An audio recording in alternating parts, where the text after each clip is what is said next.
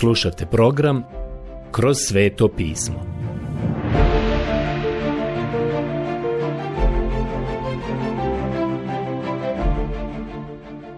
Knjiga Evanđelje po Marku.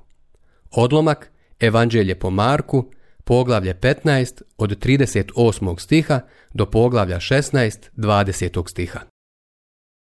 Prošli put nismo završili proučavanje 15. poglavlja ali ne zbog toga što je to bilo jako dugačko poglavlje.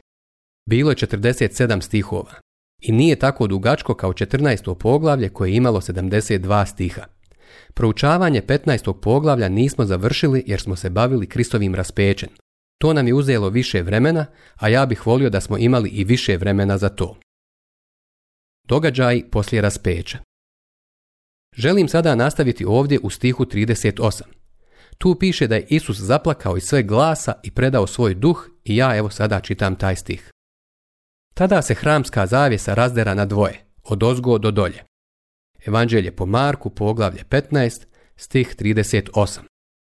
Mislim da su tome bili svjedoci mnogi svećenici jer je bilo tri sata poslje podne, a to je bilo vrijeme prinošenja večernje žrtve i oni su baš u tom trenutku služili u hramu. I to je zasigurno uticalo na njih. U svakom slučaju, kasnije ćemo tokom proučavanja vidjeti da su mnogi svećenici došli do spasonosne spoznaje o Kristu. Na primjer, pročitat ću sada iz knjige dijela apostolskih poglavlja 6. 7. stih. I riječ je Božja rasla i broj se učenika vrlo množio u Jerusalemu. I veliko je mnoštvo svećenika pristajalo uz vjeru. To je kraj citata. Prijatelji, ovo nam otkriva da su mnogi svećenici vjerovali u gospoda Isusa Krista i mi imamo svaki razlog vjerovati da su neki od njih bili i oni koji su u to vrijeme služili u hramu. Činjenica da se zastor razderao na dva dijela baš u trenutku kada je on predao svoj duh nikako nije slučajna i nije nam tako ni predstavljena. Obratite pažnju na to kako je Isus umro.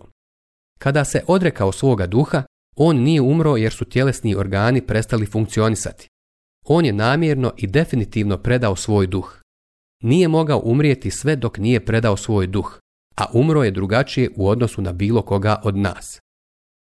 Mnogo puta sam bio prisutan kad su ljudi umirali i kod njih sam uvijek primijetio da postoji nešto što se zove samrtno zveckanje. A to znači da je zadnja stvar koju radimo to da pokušavamo udahnuti. To je jedina stvar koju želimo, taj posljednji udah.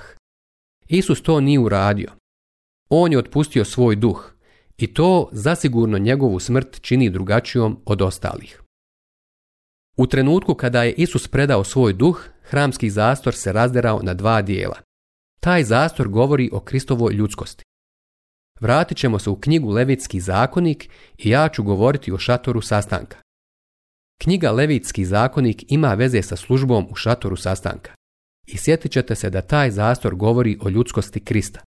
Ta poruka je veoma značajna i glasi Kristova ljudskost ili Kristov život nas na izvjestan način odvaja od Boga. I istog trenutka kada je umro, zastor se razderao na dva dijela. Njegova smrt nas dovodi Bogu, a ne njegov život. Prijatelj, ja sam napisao knjigu o šatoru sastanka u kojoj to detaljno opisujem. Ona se bavi ovim stvarima, bogosluženjem u šatoru sastanka i predmetima i namještajem koji se tamo nalazio, a posebno tim zastorom. Sada dopustite mi da nastavim sa čitanjem 39. stiha. Satnik koji je stajao prema njemu i vidio gdje tako izdahnu reče Zaista ovaj je čovjek bio sin Božiji. Evanđelje po Marku, poglavlje 15, 39. stih. Vjerujem da je to bila ispovijest vjere ovog centuriona. Nije mogao reći nešto što bi otkrilo njegovu vjeru više od ovoga. Priznao je da je Isus sin Božiji. On je priznao ko je on i ono što je on radio. Ne vjerujem da je ovaj čovjek imao izgrađenu detaljnu teologiju. Taj čovjek nikada nije pročitao teološke knjige. Nije nikada pročitao ni jednu moju knjigu. Ali je znao dovoljno da zauzme svoje mjesto ispod Kristovog križa. Znate da je sve ono što Bog traži od svakog grešnika da učini to da mu dođe u vjeri. I to je sve što je ovaj centurion i uradio. Prisjetite se da je on bio paganin, rimljanin, i obavljao je veoma okrutan posao razapinjanja ljudi, a evo sada ga vidimo kao da se raznježio u tom trenutku. Zapisano je to da su neke žene bile prisutne. Iz daleka su gledale i žene, među njima Marija Magdalena, Marija, mati Jakova mlađeg i Josipa i Saloma. One su ga pratile već u Galileji i posluživale ga.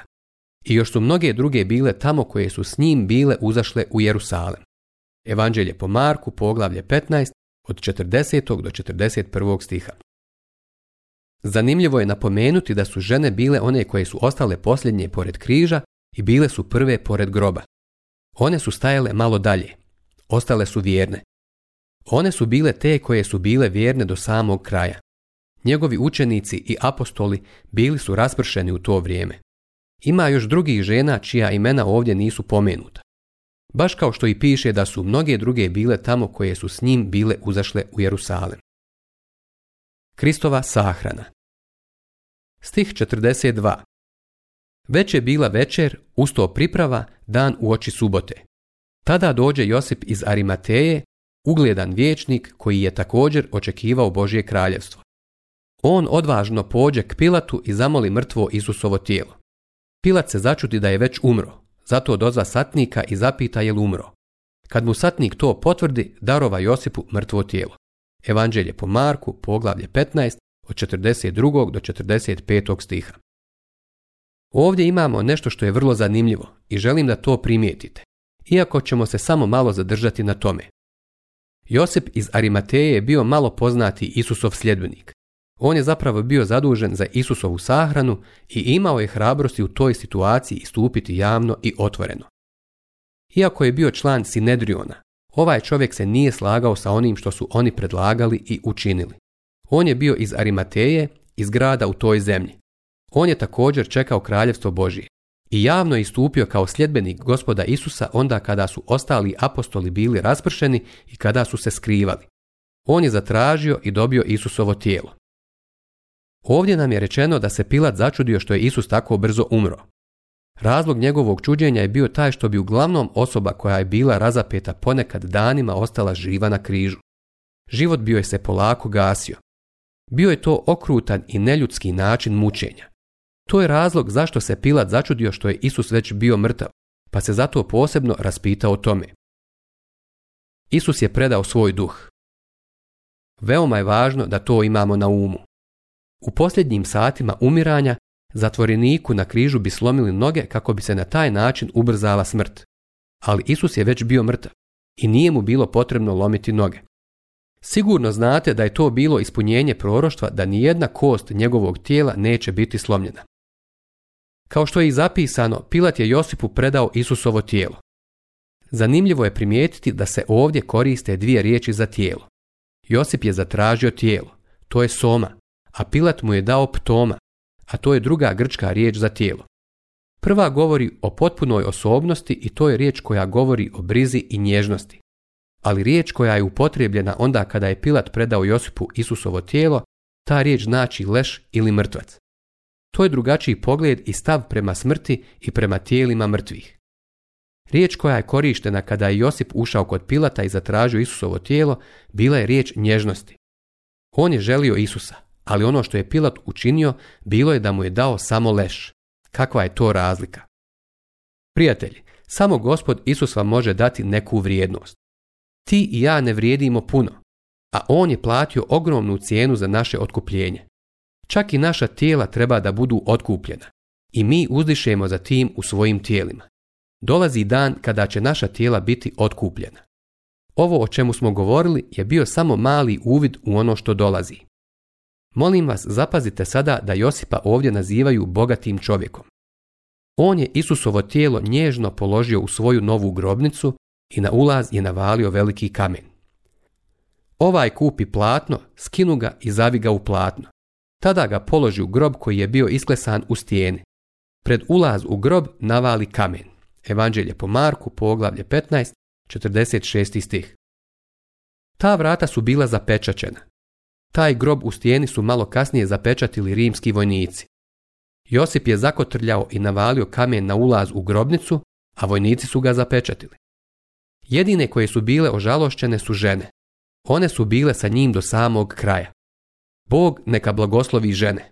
Obratite pažnju na 47. stih. Marija Magdalena i Marija, Josipova mati, gledale su gdje je bio položen. Evanđelje po Marku, poglavlje 15, 47. stih. 16. poglavlje. Isusovo uskrsnuće i uznesenje. Ovdje u 16. poglavlju dolazimo do Isusovog uskrsnuća i uznesenja.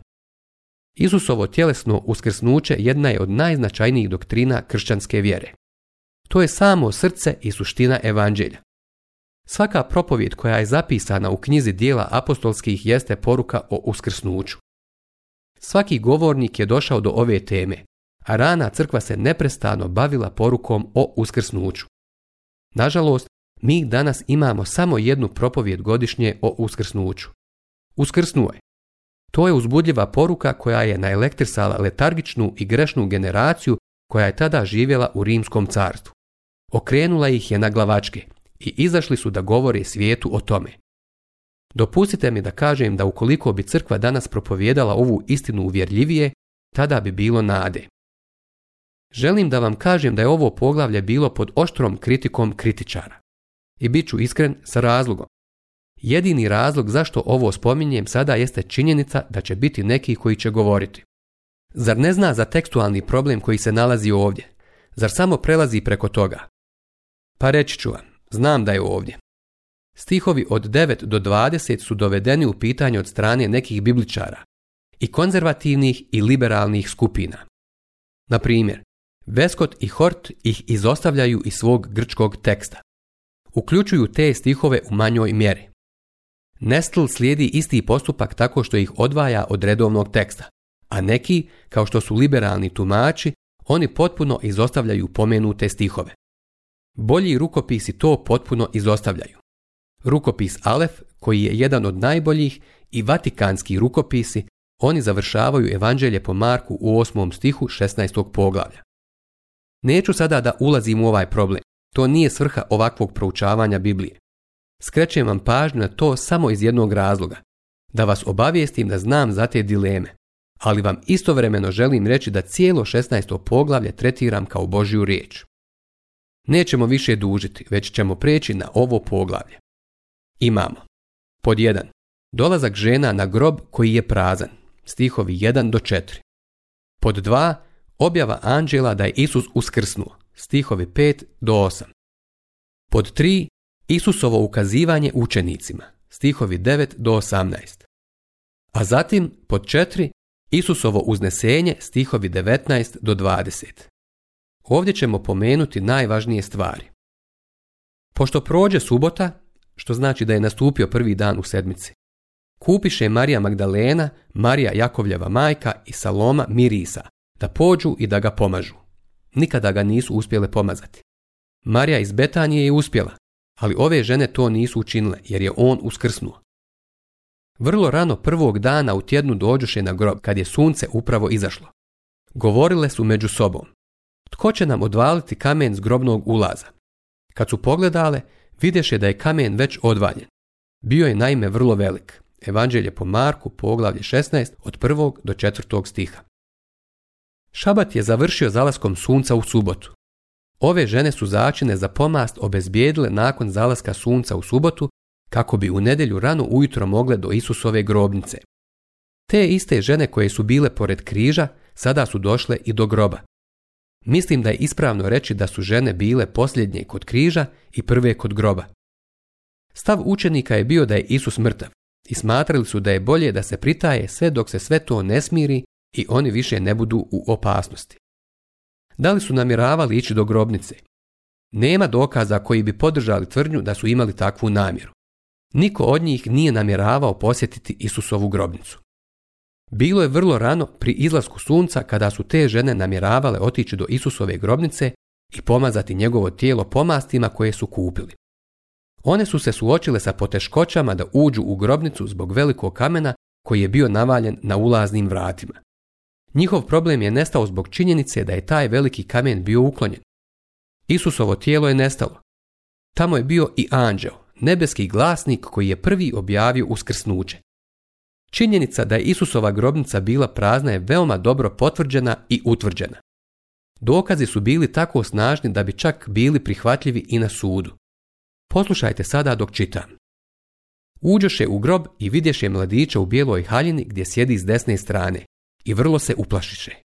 A on im reče, ne bojte se, tražite Isusa na zarečanina raspetoga. Uskrsnuo je, nije ovdje.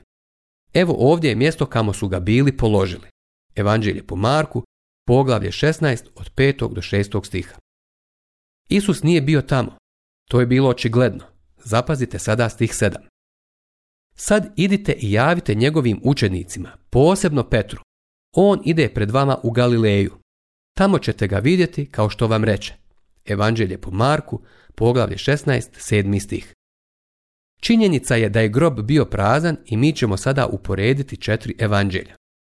U Evanđelju po Mateju smo samo prešli preko ove teme. Ponovo ćemo preći preko te teme kada dođemo do Evanđelja po Ivanu.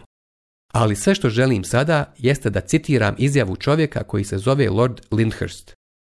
On je bio visoki kancelar Velike Britanije davne 1846. godine, a bio je također i visoki upravitelj Cambridgea. To je najveća čast koja se može dobiti na Cambridgeu. On je dao sljedeću izjavu. Znam prilično dobro šta znači pojam dokaz i kažem vam da taj dokaz za uskrsnuće još nikada nije osporen. Ovim ženama je rečeno da idu nazad i kažu šta su vidjele. Sad idite i javite njegovim učenicima, posebno Petru. On ide pred vama u Galileju. Tamo ćete ga vidjeti kao što vam reče. Evanđelje po Marku, poglavlje 16, 7. stih žene su trebale da se vrate i jave Isusovim učenicima. Kao što vidite, anđeo nije čekao da naiđe neki od učenika, pa im je zato poslao poruku da će ih Isus susresti u Galileji kao što im je i obećao. I evanđelje po Ivanu u 21. poglavlju nam predočava ovaj izvanredni događaj kojim ćemo se pozabaviti kasnije u ovom proučavanju. Možete samo zamisliti čuđenje ovih žena. One su ostale bez riječi. Iskreno, meni se ovo ne čini prikladnim mjestom da Marko ovdje završi svoje evanđelje. One izađoše i otrčaše od groba, jer ih obuze strah i trepet. Nikome ništa ne kazaše o tom, jer su se bojale. Evanđelje po Marku, poglavlje 16, 8. stih. Ovo je onaj dio koga nema u nekim rukopisima, ali vjerujemo da jeste Božja riječ. Dozvolite mi sada da nastavim malo brže. Nakon što je rano prvog dana u tjednu uskrsnuo, Isus se ukazao najprije Mariji Magdaleni iz koje je bio istirao sedam đavola. Evanđelje po Marku, poglavlje 16, 9 stih. Vidite da nam je Marko sada jasno dao do znanja da nije pisao kronološkim redoslijedom. On nam sada daje redoslijed kojim se Isus ukazivao nakon što je uskrsnuo. Marija Magdalena je bila prva kojoj se ukazao. Ona ode i javi onima što su bili s njim, a koji su tugovali i plakali. Kada su oni čuli da je živ i da se njoj ukazao, nisu vjerovali. Evanđelje po Marku, poglavlje 16, od 10. do 11. stiha. Učenici uopšte nisu vjerovali Mariji Magdaleni. Potom se u drugom obličju ukaza dvojici od njih na putu kad su išli u selo. Evanđelje po Marku, poglavlje 16, 12. stih. Doktor Luka, pisac Evanđelja po Luki, govori o tome i kaže da se to dogodilo na putu za Emaus. I oni odoše i javiše ostalima, ali ni njima nisu vjerovali. Najposlije se ukaza jedanaestorici kad su bili za stolom. Prekori ih zbog njihove nevjere i tvrdoće njihova srca, što nisu povjerovali onima koji su ga vidjeli da je uskrsnuo. Evanđelje po Marku, poglavlje 16, od 13. do 14. stiha. Marko nam manje više daje redoslijed događaja nakon Isusovog uskrsnuća. Tada im reče, Idite u sav svijet i propovjedajte evanđelje svim stvorenjima. Evanđelje po Marku, poglavlje 16, 15 stih. Evanđelje po Marku je evanđelje akcije. Isus sada govori svojim učenicima da krenu u akciju. Treba da idu. Usput rečeno, on i nama danas govori da bismo trebali biti ljudi i žene od akcije za Boga. Šta mi danas radimo da proširimo riječ Božju? Prijatelji, to je naš posao trebali biste sudjelovati u širenju riječi Božije. On nam sada kaže, tko uzvjeruje i pokrsti se, spasit će se, a tko ne uzvjeruje, osudit će se. Evanđelje po Marku, 16. poglavlje, 16. stih. Isus ne kaže da ćeš biti osuđen ako nisi kršten. Ne, to nije bitno. Ovdje sada ne idem u detalje. One koji vjeruju pratit će ova čudesa. U moje ime izgonit će đavle, govorit će novim jezicima. Uzimat će zmije u ruke i ako otrov sam popiju, neće im nauditi. Na bolesnike će stavljati ruke i oni će ozdravljati. Evanđelje po Marku, poglavlje 16, od 17. do 18. stiha. Ukoliko želiš prihvatiti bilo koji od ovih znakova i čudesnih darova, onda ih, brate moj, uzmi sve. Smijem li vam reći, to su bili darovi za to vrijeme i važno je to razumjeti. Ti znaci i čudesa ne prate više one koji vjeruju. Danas je riječ Božja dokaz, veliki znak i potvrda učenika, onih koji vjeruju. Njegovo uznesenje Nakon što im je gospodin Isus to rekao, bi uzet u nebo i sjede Bogu s desne strane. A oni odoše i stadoše posvuda propovijedati. Gospodin je djelovao s njima i potvrđivao njihovu riječ čudesima što su slijedila. Evanđelje po Marku, poglavlje 16 od 19. do 20. stiha prijatelji. To je bilo za apostole i to nije ono čime se ovdje bavimo. Ali i sa tim sam se morao pozabaviti brzo i kratko. Volio bih da možemo više vremena provoditi na mnogim od ovih odlomaka, ali moramo ići dalje. Prijatelji, budite i tada s nama.